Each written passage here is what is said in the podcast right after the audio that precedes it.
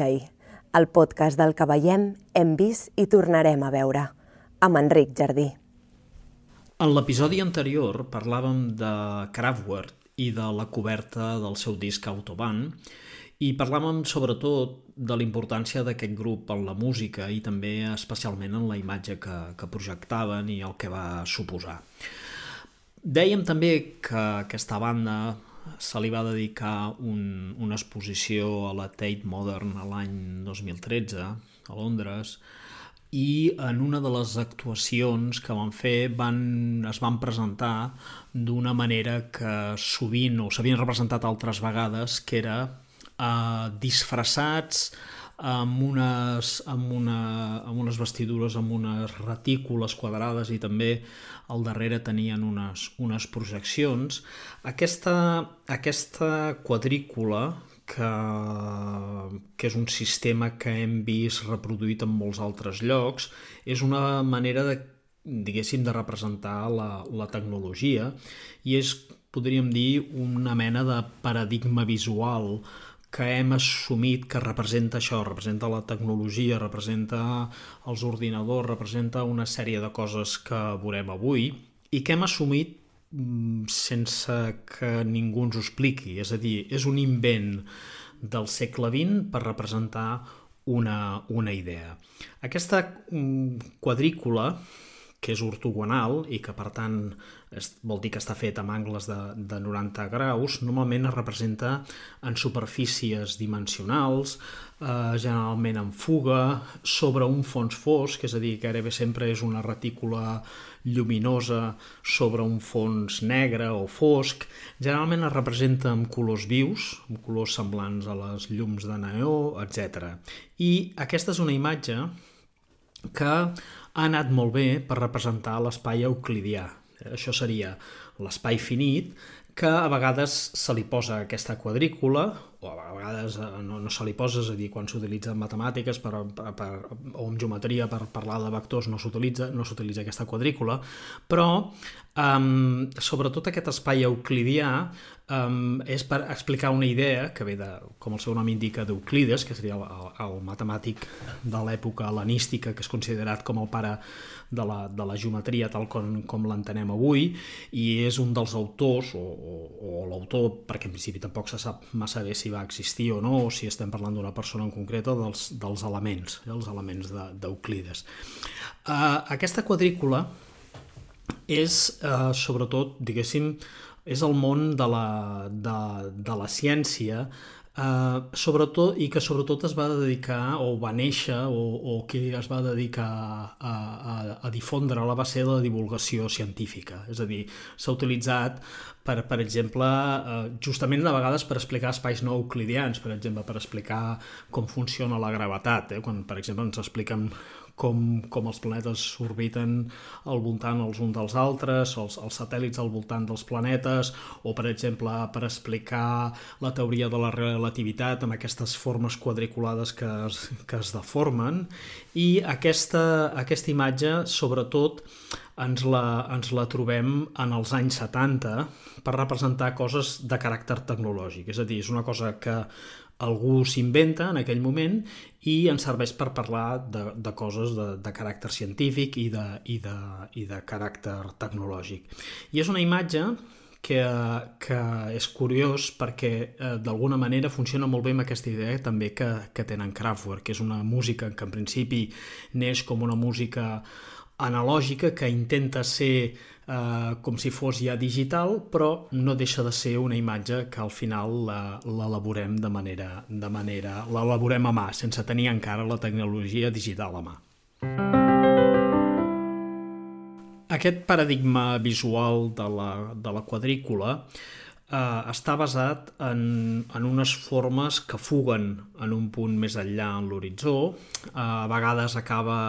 o s'acompanya d'unes falses muntanyes geomètriques, a vegades d'un color degradat suau, a vegades acompanyat d'un firmament galàctic, coses que ens, ens fan pensar en aquestes idees que, que va inventar la, la ciència-ficció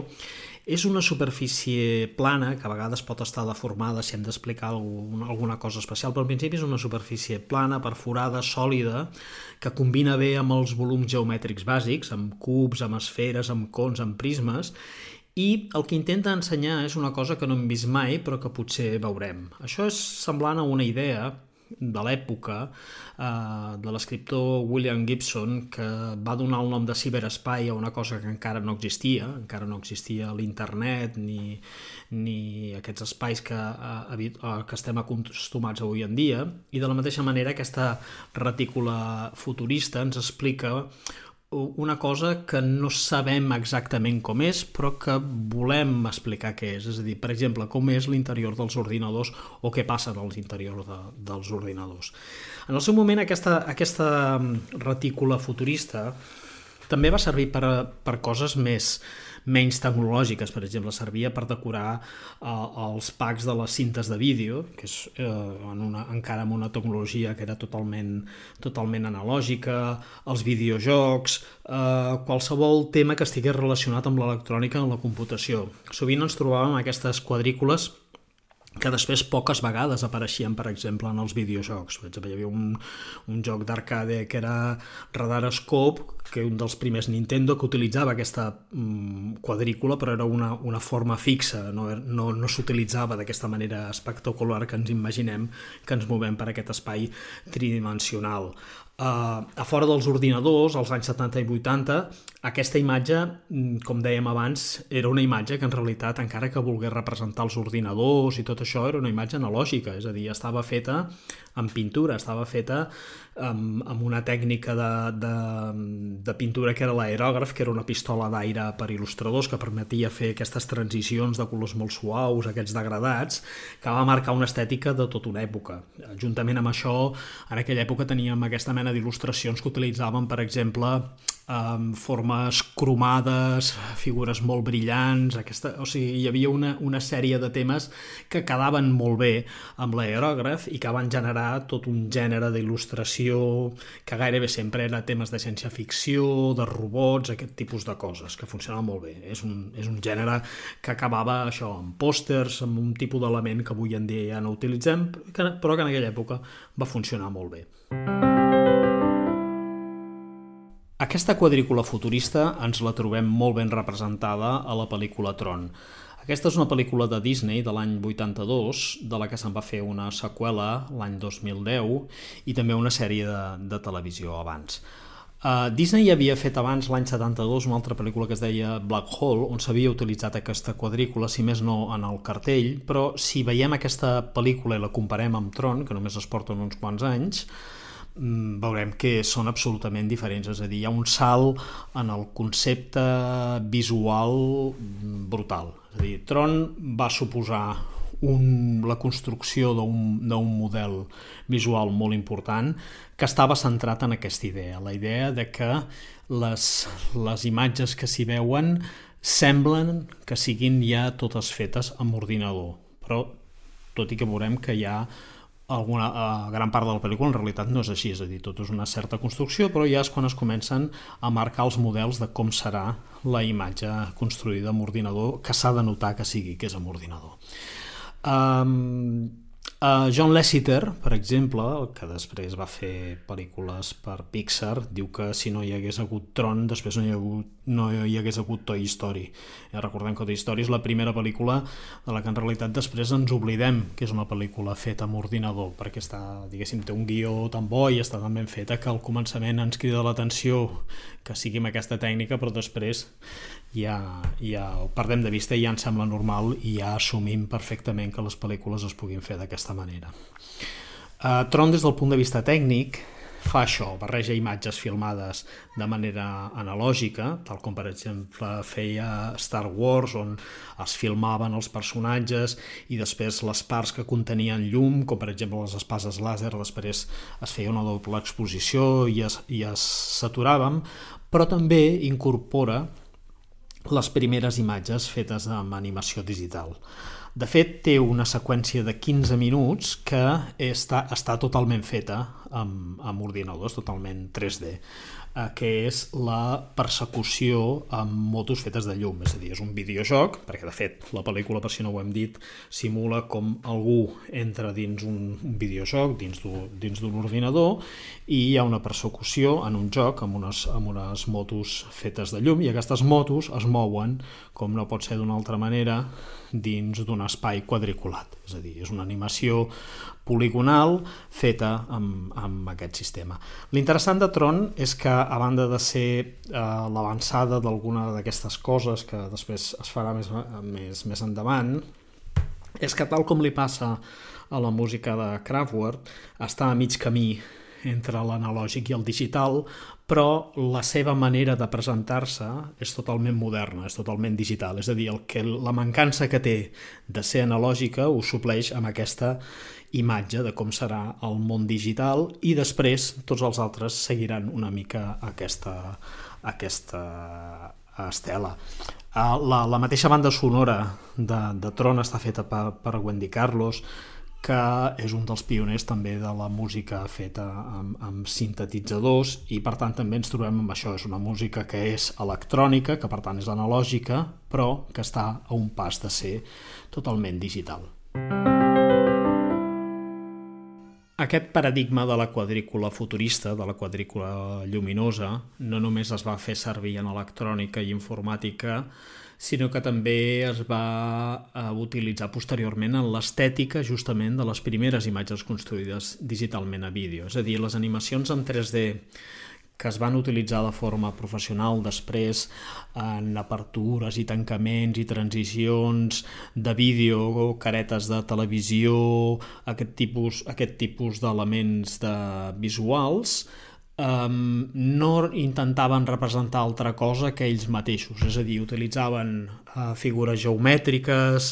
quadrícules, fugues, perspectives, etc. És a dir, el, aquest, aquest model va servir per representar la pròpia, la pròpia tècnica. Tenim, per exemple, mm, a l'any 85, uh, un personatge en televisió que és Max Headroom. Max Headroom era un presentador de televisió que durant molt temps van donar a entendre que era una figura creada en 3D. De fet, en aquell moment encara no hi havia la tecnologia suficient com per fer un, un cap parlant en televisió. Era, una, era un personatge que duia uns, unes peces postisses a la, a la cara i que semblava, feia, donava la sensació que era com un robot que tenia permanentment uns fondos de, de quadrícules i de línies seguint aquesta estètica. Després es va saber que no, que era una cosa editada en vídeo, però també eh, explica molt bé com aquesta, aquesta imatge va marcar molt bé la, la idea de tecnologia, és a dir, ja ens estaven explicant que allò era tecnològic i la manera de fer-ho explícit eren utilitzar aquest, aquest nou paradigma visual. Um, això és el que després uh, en el món, diguéssim, diguéssim, pràctic de construcció en 3D ha, ser, uh, ha servit o, o la realitat d'utilitzar això en la construcció d'elements és el que diríem el wireframe, és a dir, és un marc de, de fil ferro que defineix una estructura exterior d'un element i que per economitzar memòria i guanyar velocitat de processament els primers ordinadors amb interfície de pantalla utilitzaven vectors en lloc, de, en lloc de píxels. Després això queda cobert amb els píxels i amb les textures i les il·luminacions que posem a sobre, però en principi aquesta mena d'estructura ja existia en, el, en els ordinadors. El que passa que aquesta estètica aprofita aquesta, diguem, mancança o aquesta, aquesta forma que estalvia molt, molta capacitat de processament precisament per donar una cosa, com dèiem, tecnològica. També eh, en aquest moment ha es, la, la majoria d'ordinadors tenen una interfície que és justament això mateix, és a dir, és un, és un ordinador que és negre, que té un text en codi que està il·luminat amb un sol color. És a dir, aquí tenim, també tenim la influència de quina és la visió dels ordinadors encara en aquell moment. Encara trigaran a arribar aquests altres ordinadors, com seria el Lisa o l'Amiga, o posteriorment, sobretot, el Macintosh, que treballen, diguéssim, com una pàgina blanca amb elements. Això encara, encara tardaria a arribar, per tant encara estem influïts per aquesta estètica i alhora també això està influït encara també per l'estètica de la, del disco, és a dir, aquesta mena de,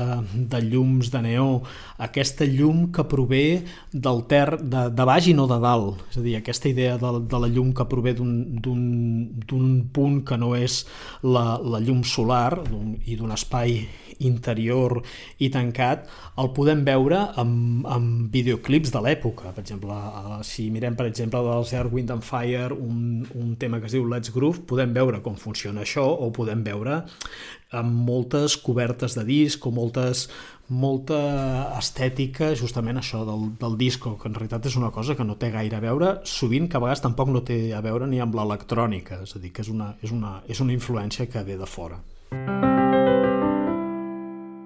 Aquesta quadrícula, representada d'una altra manera, és a dir, sense aquesta part lluminosa i sobre un fons negatiu,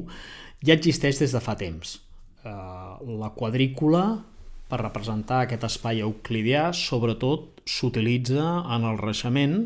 per marcar la perspectiva. És a dir, un espai euclidià ens permet perfectament marcar aquestes línies que fuguen i que van cap a, a un lloc concret i això és el que es fa en el reixement italià. En el reixement del nord d'Europa també es fa aquesta mena de perspectiva, però no es desenvolupa tant, no es teoritza tant, i ens trobem amb, amb quadres on apareixen aquesta mena de ciutats ideals, doncs en el terra veiem, per exemple, com totes les línies fuguen cap a un punt concret, l'ús de la perspectiva també té un caràcter simbòlic, que del que podem parlar un altre dia perquè és un tema que dona molt de sí, però ens trobem, per exemple, teòrics com Alberti, que teoritzen sobre aquesta, sobre aquesta perspectiva, o altres pintors, per exemple, com Uccello. Uccello que també eh, desenvolupa les, les tècniques de construcció eh, pictòrica a partir de, de la perspectiva. Per exemple, els trobem fins i tot en, en quadres com seria la batalla San Romano, que és una, una batalla que té lloc al camp naturalment i com que allà no hi podem posar ni una ciutat ni podem posar un paviment pla on posar aquesta perspectiva, si us hi fixeu en aquest quadre al terra hi ha una sèrie de figures i sobretot una sèrie de llances i d'armes que han caigut després de la batalla que d'alguna manera marquen una mena de quadrícula per marcar la fuga, és a dir, no s'ha pogut estar de marcar també en un espai així on no tindríem aquesta quadrícula, una quadrícula per marcar aquest punt de fuga. És a dir, la, la, la quadrícula està molt present no només en representacions que explícitament contenen formes quadrades, sinó també ens ajuda a marcar en llocs on no ho tenim, d'alguna manera ens ajuda a marcar aquest espai, aquest espai de fuga. Després tornarem a, a tenir aquesta quadrícula en molts altres llocs, no, no tan evident. Eh? Per exemple, eh, si mireu les pel·lícules de, de Kubrick, especialment 2001, Uh, trobem diverses vegades aquesta quadrícula, especialment, per exemple, en les escenes finals, en aquella mena d'habitació que té un terra il·luminat, que no, no se sap molt bé què és, que és com una mena de, de viatge al passat o al futur, no se sap massa bé què és. Allà també tornem a tenir aquesta quadrícula, tenim aquestes quadrícules en els terres de, on es, en les discoteques, tenim quadrícules a tota una sèrie d'elements que ens ajuden sobretot a marcar aquests espais artificials i aquests espais espais diferents. Aquesta retícula futurista és una representació d'allò sabem que no és així, que no existeix, però que hem acceptat com un model d'una cosa, una cosa que no sabem verbalitzar, però que entenem que és així. És una cosa que, que no sabem el que denota, però sabem el que connota. És com una mena d'acord. Això passa molt amb llenguatge visual. Hi ha moltes coses que eh, no seríem capaços ni el mateix autor de descriure què és això, però tothom sap el que, el que significa. Uh, aquella imatge que teníem del, del, de l'home de Vitruvi amb aquelles línies que el dibuixen, uh, d'alguna manera és el mateix. Aquella geometria, encara que després veiem que sigui un miratge que en realitat no representa res, ens dona una idea com de control o de, o de, o de tecnologia. Um, aquesta quadrícula mateix, per exemple, s'utilitza molt en publicitat. Uh, quan fem, per exemple, en publicitat mèdica, quan es representa una figura del cos humà, d'algú que pren una pastilla i aquesta pastilla viatja pel cos i cura un mal de cap amb, una, amb unes imatges lluminoses. Sabem perfectament que mai aquesta figura humana s'ha construït amb aquesta quadrícula, és a dir, no, no forma part de l'experiment científic construir una persona per veure com funciona una, una pastilla, però és una mena de ficció que hem acceptat i això es, es troba en moltíssims llocs de publicitat, no només en publicitat mèdica, i coses com serien dentífics i coses així, on hi ha un queixal que està construït amb aquesta quadrícula, però també ho veiem amb, amb detergents, eh, com, com, una, com un detergent destrueix la brutícia eh, amb unes formes com quadriculades i, i, i lluminoses. És a dir, és un exemple, o el que és important d'entendre de, d'aquesta de, imatge és com eh, ens, ens les hem enginyat per crear una cosa que de seguida tots hem entès el que vol dir i això s'utilitza doncs, de, forma, de forma convencional i per tant funciona molt bé, que és diguéssim l'interès que tenen les imatges, és a dir, les imatges entenem el que volen dir, però quan ens fan explicar per què ho estem fent així, costa més.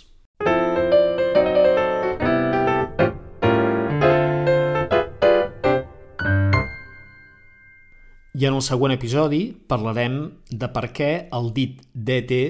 té llum i com està relacionat amb tot això que hem vist avui.